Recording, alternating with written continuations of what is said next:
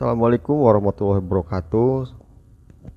Kali ini saya akan menyampaikan sebuah cerita horor yang terjadi di salah satu rumah kos di Kota Bandung yang menimpa saudari Dita sekitar tahun 2014 yang lalu. Dan sebelum ke cerita, subscribe dulu ya channel cerita agar lebih berkembang dan bisa lebih bermanfaat untuk semuanya. Waktu itu Dita masih berstatus sebagai mahasiswi di salah satu perguruan tinggi swasta di kota Bandung. Ketika itu Dita baru pertama kali menginjakan di kota besar yaitu Bandung. Dan Dita pun langsung mempersiapkan segala sesuatunya mulai dari pakaian, buku-buku, serta memilih tempat kos. Dita sempat kebingungan untuk mencari tempat kos serta mencari alamat. Maklum saja, Dita adalah wanita dari pedesaan, sehingga dia cukup kaget ketika pertama kali datang ke kota besar. Kota besar dengan tingkat keruwetan yang tinggi. Tapi apa mau dikata, garis hidup menuntun Dita untuk tinggal di kota ini. Mungkin sama seperti kebanyakan orang lain yang juga berstatus sebagai pendatang. Dita harus melewati masa adaptasi yang cukup berat dia harus beradaptasi dengan kultur dan watak orang-orang di sini. Selang beberapa waktu dan dengan berbagai pertimbangan, akhirnya Dita menetapkan di mana dia akan tinggal atau ngekos. Tempat kos yang Dita pilih ini terletak cukup jauh dari kampusku, namun harganya murah, sehingga aku mantap memilih kosan ini. Tempat kos ini sepi. Dari 10 kamar kos, hanya terisi dua kamar saja, Mungkin karena tempat kos ini cukup terpencil dan dekat dengan area pemakaman umum. Tapi ya sudahlah, tutur Dita. Yang penting kosannya murah dan nyaman. Tak terasa perkuliahan pun dimulai untuk pertama kalinya. Jujur saja, Dita merasa senang sekali. Hari pertama di kampus, Dita mendapatkan sahabat-sahabat baru yang akan sama-sama berjuang untuk meraih prestasi terbaik di kampus. Dan selang beberapa minggu, ketika Dita pulang dari kampus, ia pun merasa ada sesuatu yang janggal di kosannya. Dita seperti mendengar anak-anak kecil bermain di area pemakaman yang terletak di belakang rumah kosnya.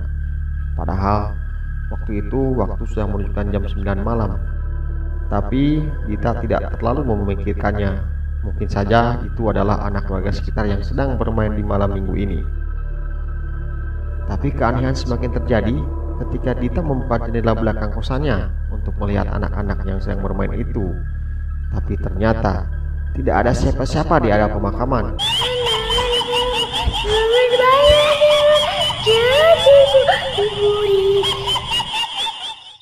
Keesokan paginya, Dita menanyakan kepada Meli yang merupakan temannya yang satu kosan tentang kejadian tadi malam.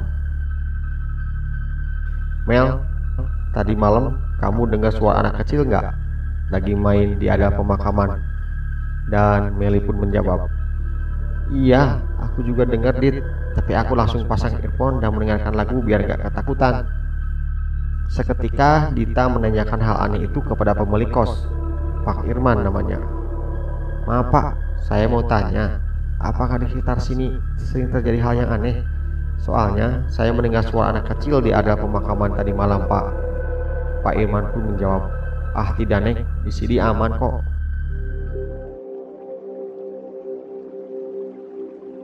Mendengar hal tersebut, Dita menjadi sedikit tenang. Dita berpikir kejadian tadi malam itu hanyalah angin lalu dan tidak usah dipikirkan. Di kampus, Dita kembali terpikir tentang kejadian aneh yang terjadi tadi malam. Suka atau tidak suka, Kejadian itu ternyata mempengaruhi pikiran dan mental Dita, sehingga Dita menjadi melamun ketika di kampus. Hari itu jadwal perkuliahan padat, hingga Dita harus pulang dari kampus sekitar pukul 5 sore. Di perjalanan pulang, Dita mampir dulu ke warung makan untuk membeli sebungkus nasi dan lauknya. Saat itu sudah memasuki waktu maghrib ketika Dita sampai di kamar kosannya. Lalu Dita bergegas mandi sholat maghrib, dan makan malam.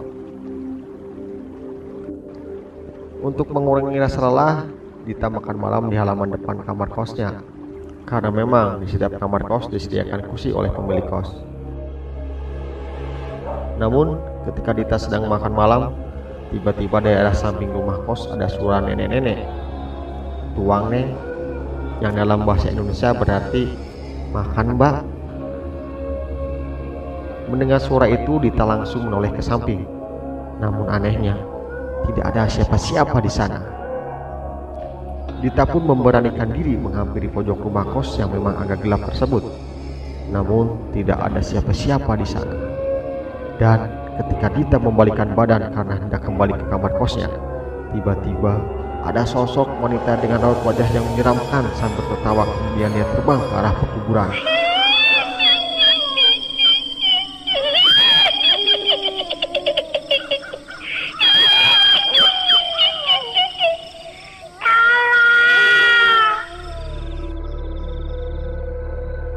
Seketika Dita diam ketakutan.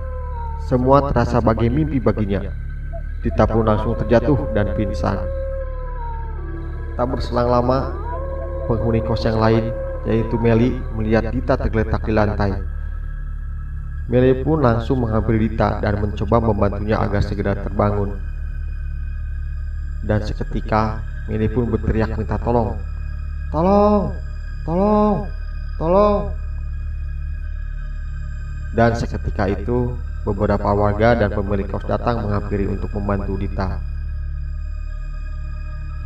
Ketika Dita tersadar, ia pun menceritakan kejadian yang ia alami kepada Meli dan pemilik kos. Lalu pemilik kos menyarankan untuk sementara waktu Dita dan Meli tinggal dalam satu kamar kos dulu demi keamanan, katanya.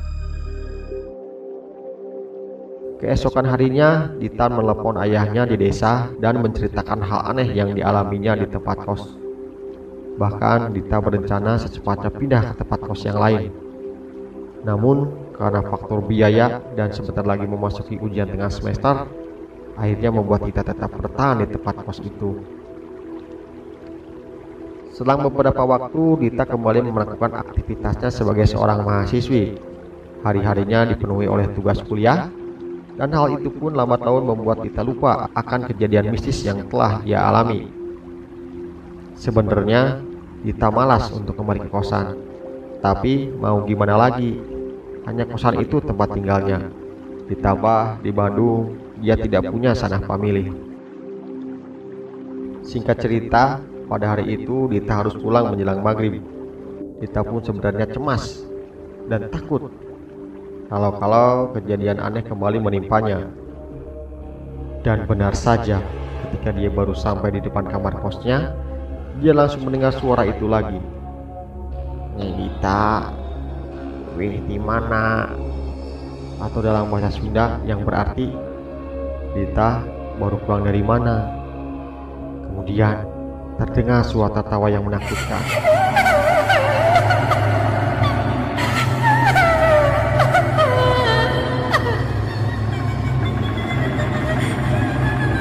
Dita pun langsung menoleh ke belakang dan seketika itu Dita melihat sosok nenek-nenek yang menyeramkan.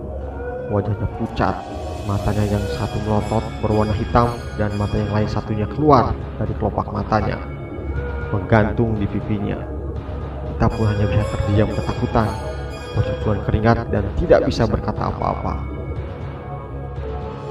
Dan tiba-tiba Sosok nenek-nenek yang menyenangkan itu bergerak melayang menghampiri Dita sambil tertawa menakutkan. Tangannya menjulur ke depan sambil berkata, Dita,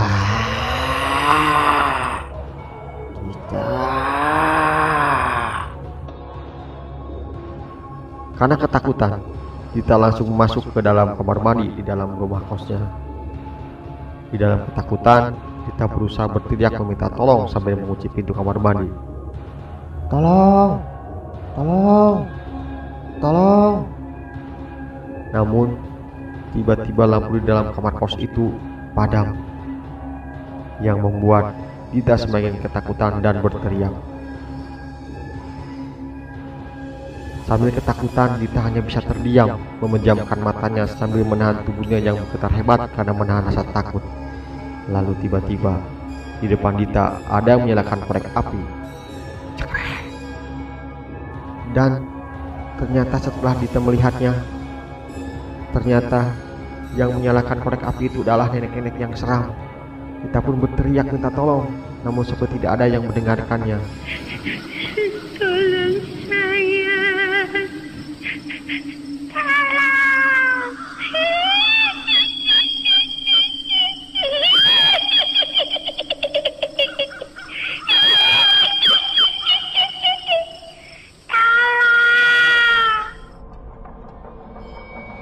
Sosok nenek-nenek seram itu pun kembali tertawa dengan suara yang seram.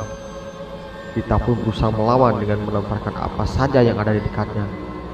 Namun, ketika Dita memegang handuknya dan hendak melemparkan handuk tersebut, handuk itu ternyata berlumuran darah. Darah itu pun memenuhi tangan Dita, sementara sosok nenek-nenek yang seram itu terus tertawa menyeramkan.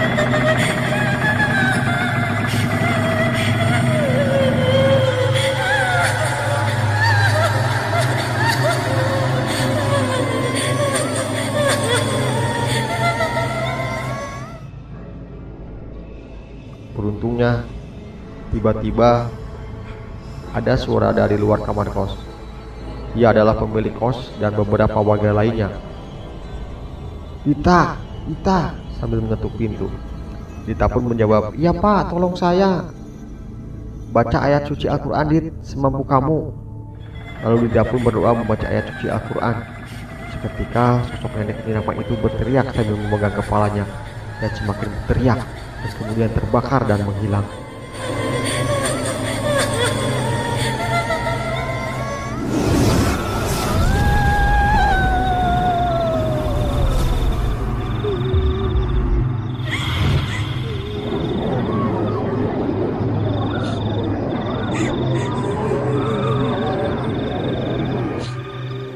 Seketika, Dita pun pingsan karena tidak kuat menahan rasa takut.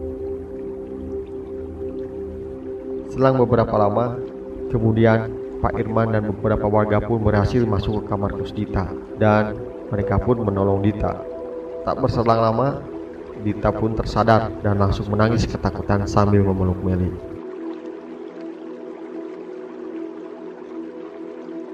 Sekian dulu cerita kali ini, sampai bertemu lagi di kesempatan selanjutnya dengan cerita yang tidak kalah menarik. Wassalamualaikum warahmatullahi wabarakatuh.